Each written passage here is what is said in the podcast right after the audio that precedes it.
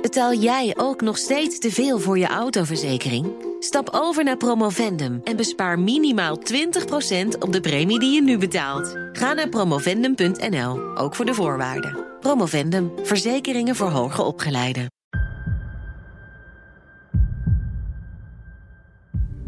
Hebben vrouwen een ander brein dan mannen? Hoe zit het met die linker en die rechter hersenhelft? Kun je met gezonde voeding je hersenen verbeteren? Wat hebben bacteriën daar dan weer mee te maken? Mijn naam is Iris Sommer. Ik ben psychiater en neurowetenschapper in het Universitair Medisch Centrum in Groningen. In vijf afleveringen neem ik je mee op een baan door het brein. Dit is aflevering 2. De hersenen, zoals wij die hebben, zijn het product van vele miljoenen jaren evolutie. Een verre voorloper was het touwladderzenuwstelsel, zoals de reuzenslak dat ook nu nog heeft. Dus eh, twee lange slierten met tussenschotten verbonden. Voor hersenonderzoekers is dit een heel fijn model, omdat het zo lekker simpel is. En toch werken veel dingen in dit touwladderzenuwstelsel nog hetzelfde als in ons eigen complexe brein. In de loop van de evolutie is de bovenste helft van die touwladder opgevouwen tot een hele ingewikkelde knoop. Dat zijn hersenen geworden. De onderste helft is overlangs dichtgevouwen tot een soort gootje.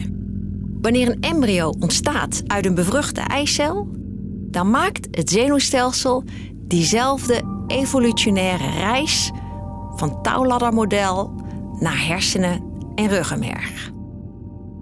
Het opvouwproces van het bovenste gedeelte die maakt ergens tijdens die knoopfase een draai van 180 graden.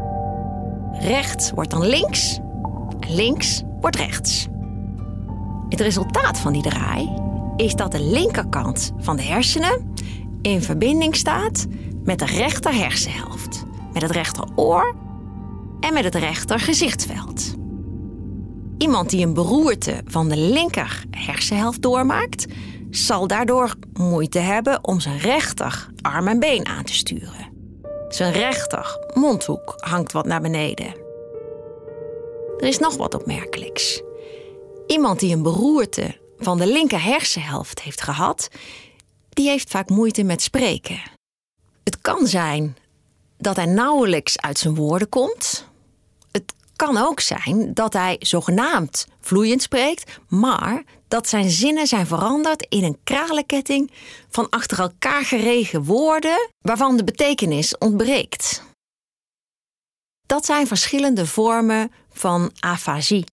Familieleden van iemand met afasie die weten heel goed dat deze mensen meestal wel kunnen zingen met woorden iemand die geen antwoord kan geven op de vraag hoe heet u, die kan bijvoorbeeld uit volle borst en keurig gearticuleerd lang zijn leven meezingen, tot de gloria aan toe. Als co-assistent was ik niet zo handig. Eigenlijk nog steeds niet. Psychiatrie is dus een prima vak voor mij. Spreken met de handen op de rug. Als co-assistent had ik nachtdienst en ik werd gevraagd een infuus te prikken bij een oudere man met afasie. Nou, daar kwam ik met mijn naaltjes en verbandjes. Ik legde hem uit wat de bedoeling was en ik denk dat hij het begreep, want hij bood me zijn arm aan. Nou, ik ben een praatjesmaker, dus ik kwebbelde gezellig in het rond terwijl ik zijn arm met alcohol schoonveegde. Wanneer ik hem vragend aankeek voor een reactie, dan kwam er nooit meer dan hmm. Totdat ik misprikte en er een dikke blauwe plek op zijn arm ontstond. Godverdomme, zei hij, zonder aperen. Daar zie je de rechter hemisfeer in actie. Fatsoenlijk antwoord geven, dat lukt niet, maar zingen en dan wel liedjes die al honderden keren gezongen zijn, dat gaat prima. Ook schelden en vloeken, ja, dat wil wel. Blijkbaar is dat de taalbeheersing van deze hersenhelft. Het menselijk brein bestaat uit grote en kleine hersenen, plus de hersenstam, die overgaat in het ruggenmerg. De grote hersenen hebben een linker en een rechter hemisfeer, die verbonden zijn door een dikke laag witte stof, de hersenbalk. Die twee hemisferen die lijken sprekend op elkaar, maar er bestaat een duidelijk verschil in functie. De linker hersenhelft kan namelijk spreken en de rechter, nou ja, dat heb je gehoord, dat stelt niet zo heel veel voor. Bij de zogenoemde WADA-procedure wordt vanuit de slagader in de lies een katheter opgeschoven, helemaal omhoog tot aan het begin van de carotis. Dat is de slagader die één kant van de hersenen van bloed voorziet. Precies op die plek wordt een sterk slaapmiddel ingespoten, zodat één hersenhelft tijdelijk oud gaat. Op die manier kun je testen wat de overgebleven hersenhelft in zijn mars heeft. Wanneer je nou de linker hersenhelft tijdelijk verdooft, dan is iemand nagenoeg stom. Wanneer je dat met de rechter hersenhelft doet, dan kunnen de meeste mensen gewoon doorpraten. Ook tellen lukt wel wanneer de rechter hersenhelft verdoofd is, maar niet als de linker hersenhelft verdoofd is. Wanneer een functie zoals taal, tellen specifiek door één hersenhelft wordt uitgevoerd, dan noemen we dat gelateraliseerd. Taal is dus duidelijk gelateraliseerd. Voor andere functies is dat veel minder uitgesproken. Van ruimtelijke oriëntatie wordt beweerd dat dat naar rechts gelateraliseerd is. Maar de rol van de linker hersenhelft voor ruimtelijke oriëntatie is bijna net zo groot als die van de rechter. Het is dus teamwerk tussen de hersenhelften. En zo is dat voor de meeste functies. Ook muzikaliteit en het herkennen van gezichten zijn functies die misschien wel iets meer naar rechts dan naar links gelateraliseerd zijn, maar toch vooral teamwerk zijn. Dat de rechter nu de creatieve en de linker de rationele hersenhelft zou zijn, nee, dat voert echt veel te ver. De linker is talig en de meeste andere functies doen beide hersenhelften samen. De hersenbalk is de grootste zenuwbaan van de hersenen. Dik, maar kort. Hij zorgt dat de twee helften voortdurend met elkaar sparren. Maar wat gebeurt er als die hersenbalk wordt doorgesneden? Ja, dat lijkt een experiment dat niet op medisch-ethische goedkeuring kan rekenen, en terecht. Maar in de jaren 60 deed zich de unieke gelegenheid voor om de hersenhelften zonder die verbinding te bestuderen. Antiepileptica waren nog nauwelijks beschikbaar en mensen met ernstige epilepsie die gingen zwaar gebukt onder hun aanvallen. Een zogenaamde grand mal of gegeneraliseerd insult gaat gepaard met een val, verlies van bewustzijn, soms een tongbeet en incontinentie, schokken met armen en benen. Moet je nagaan hoe je leven eruit ziet wanneer je dat meerdere keren per week moet doormaken. Hersenchirurgen konden deze patiënten helpen door die hersenbalk door te nemen. Een epileptische aanval bleef daarna beperkt tot één hersenhelft. Je valt dan niet meer, raakt het bewustzijn niet kwijt en je hebt schokken met slechts één kant van het lichaam. Deze operatie leverde mensen op waarvan de linker en de rechter hersenhelft losgekoppeld zijn. Wat merken die mensen daar dan van? Gek genoeg, eigenlijk niet zoveel. In het dagelijks leven ging alles eigenlijk prima. Richard Sperry, een ambitieuze psycholoog die deze zogenoemde split brain patiënten tot in een treuren onderzocht, die merkte wel het een en ander. En dat leverde hem in 1981 de Nobelprijs voor de geneeskunde op. Ik zal een paar van zijn slimme experimentjes uitleggen. Wanneer hij iemand met een split brain een sleutel liet zien via het linker gezichtsveld en een pen via het rechter gezichtsveld, dan kregen de hersenhelften dus verschillende informatie.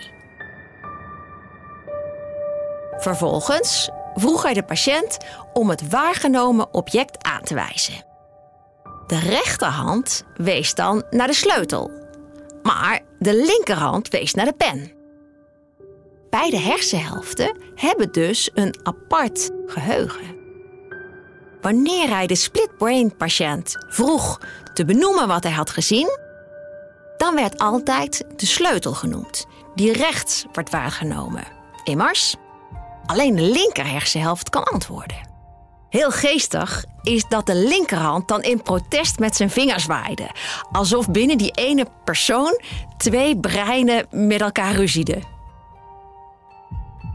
We hebben dus eigenlijk twee hemisferen die de meeste functies zelfstandig kunnen uitvoeren. Dankzij die dikke hersenbalk merken we daar niks van en voelt het gewoon als één geheel.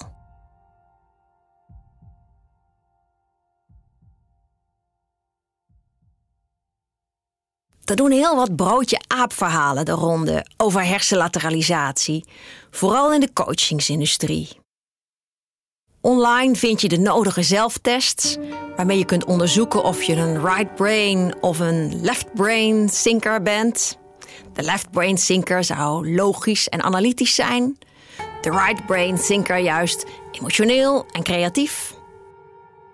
Een toekomstige leider, zo wordt met droge ogen beweerd, zou een overontwikkelde linkerhemisfeer hebben, getuigen zijn rationele keuzes. Hij zou er dan ook goed aan doen om middels coaching zijn creatieve rechter hersenhelft wat meer tot zijn recht te laten komen. Het mogen duidelijk zijn dat er slechts heel weinig split-brain patiënten op deze planeet wonen. Bij alle andere mensen worden de hersenhelften altijd samen ingezet. Dat inzetten van beide hersenhelften dat gaat helemaal vanzelf. Daar heb je geen coachingsessies voor nodig. In hoeverre je analytisch dan wel creatief denkt, heeft alles te maken met de context. Dat menig manager sterk analytisch en rationeel werkt, ja, dat lijkt me eigenlijk wel adequaat. En doet ook niet af aan zijn creatieve kwaliteiten, die hij misschien wel in zijn garageband inzet. Wat je ook vaak hoort, is dat de vrouwenhersenen minder gelateraliseerd zijn dan die van mannen. Terwijl bij mannen de taal vooral links zit, zou bij vrouwen de taal zowel links als in de rechter hersenhelft zitten. Daardoor zouden vrouwen minder plaats overhouden voor ruimtelijke oriëntatie, waar immers van beweerd wordt dat het vooral recht zit. Dit zou de reden zijn waarom vrouwen iets beter zijn in taal en wat minder goed in ruimtelijke oriëntatie. Ik heb daar in mijn onderzoek nooit iets van terug kunnen vinden. Wanneer je met functionele MRI de hersenen van mannen en vrouwen in actie ziet, dan is er weinig verschil in de lokalisatie van taal. Voor allebei speelt de linker hersenhelft een hoofdrol en doet de rechter hersenhelft een beetje leuk mee.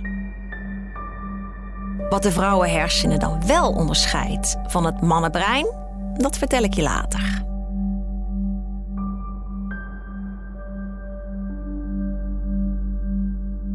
Er is wel een andere groep die echt een andere verdeling van de hersenfuncties heeft. Dat zijn niet de vrouwen, maar de linkshandigen.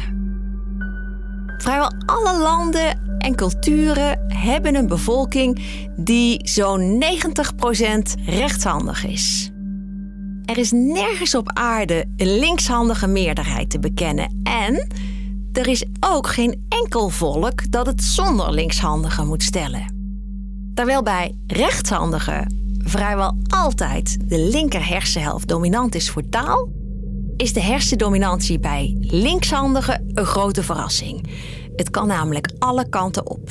Een op de drie linkshandigen heeft gewoon de linker hersenhelft dominant, net als alle rechtshandigen. Bij nog eens een derde van de linkshandigen kunnen beide hersenhelften ongeveer hetzelfde en is er dus geen duidelijke dominantie. Ten slotte heeft één op de drie linkshandigen een omgekeerde hersendominantie. Bij hen is taal juist in de rechter hersenhelft gehuisvest. Hun hersenlateralisatie is het spiegelbeeld van een rechtshandige. Die laatste groep linkshandigen die zijn machtig interessant. Er is een theorie die zegt dat deze groep ooit de helft van een tweeling was. Een tweelingzwangerschap is riskant. En slechts een deel van de tweelingzwangerschappen leidt ook echt tot twee gezonde baby's. Heel vaak sterft een van de twee een vroege dood. Zo vroeg dat de moeder nog niet eens wist dat ze een tweeling droeg. Zo vroeg ook dat er nauwelijks meer iets terug te vinden is van het gestorven embryo bij de geboorte van de overlevende. Er zijn twee soorten tweelingen. De twee-eiige tweelingen, eigenlijk gewoon broers en zussen van elkaar. En de een-eiige tweeling, die sprekend op elkaar lijken. Die een-eiige tweeling ontstaat uit één en dezelfde bevruchte eicel. Die eicel gaat delen totdat het een soort framboosje is. Nou, dat heel kleine framboosje dat gaat zich na een paar dagen nestelen in de baarmoeder. Wanneer het eenmaal genesteld is, dan zit het aan de onderkant vast en dan bestaat er dus een boven- en een onderkant. En zodra dat het geval is, bestaat er dus ook een rechter- en een linkerkant. Let op, nou komt het. Wanneer dat piepjonge embryo met een boven en een onder en een links en een rechts zich overlangs in tweeën splitst, dan ontstaan er twee embryo's. Die zijn echter niet elkaars evenbeeld, maar elkaars spiegelbeeld. Aan de linker hersenhelft groeide namelijk een nieuwe rechterkant. En aan de rechterkant groeide een nieuwe linkerzijde. Inderdaad is een deel van de een-eiige tweelingen elkaar spiegelbeeld. Van zulke paren is de ene tweeling linkshandig en de andere rechtshandig. Asymmetrische kenmerken, zoals moedervlekken, scheve tanden, haarkruinen, die zijn dan ook gespiegeld bij zulke tweelingen. In een van mijn allereerste publicaties als piepjonge hersenonderzoeker heb ik laten zien dat bij deze tweelingen ook hun hersenlateralisatie gespiegeld is. Bij de een zit taal in de linker hersenhelft, bij de ander in de rechter hersenhelft.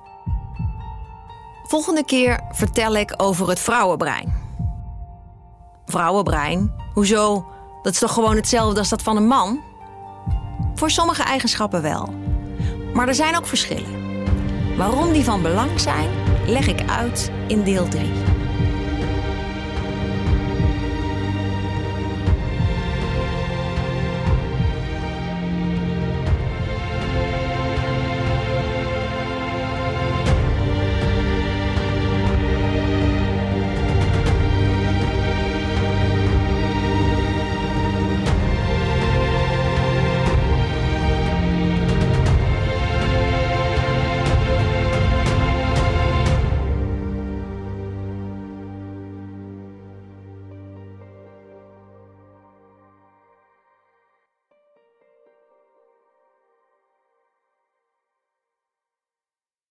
Betaal jij ook nog steeds te veel voor je autoverzekering?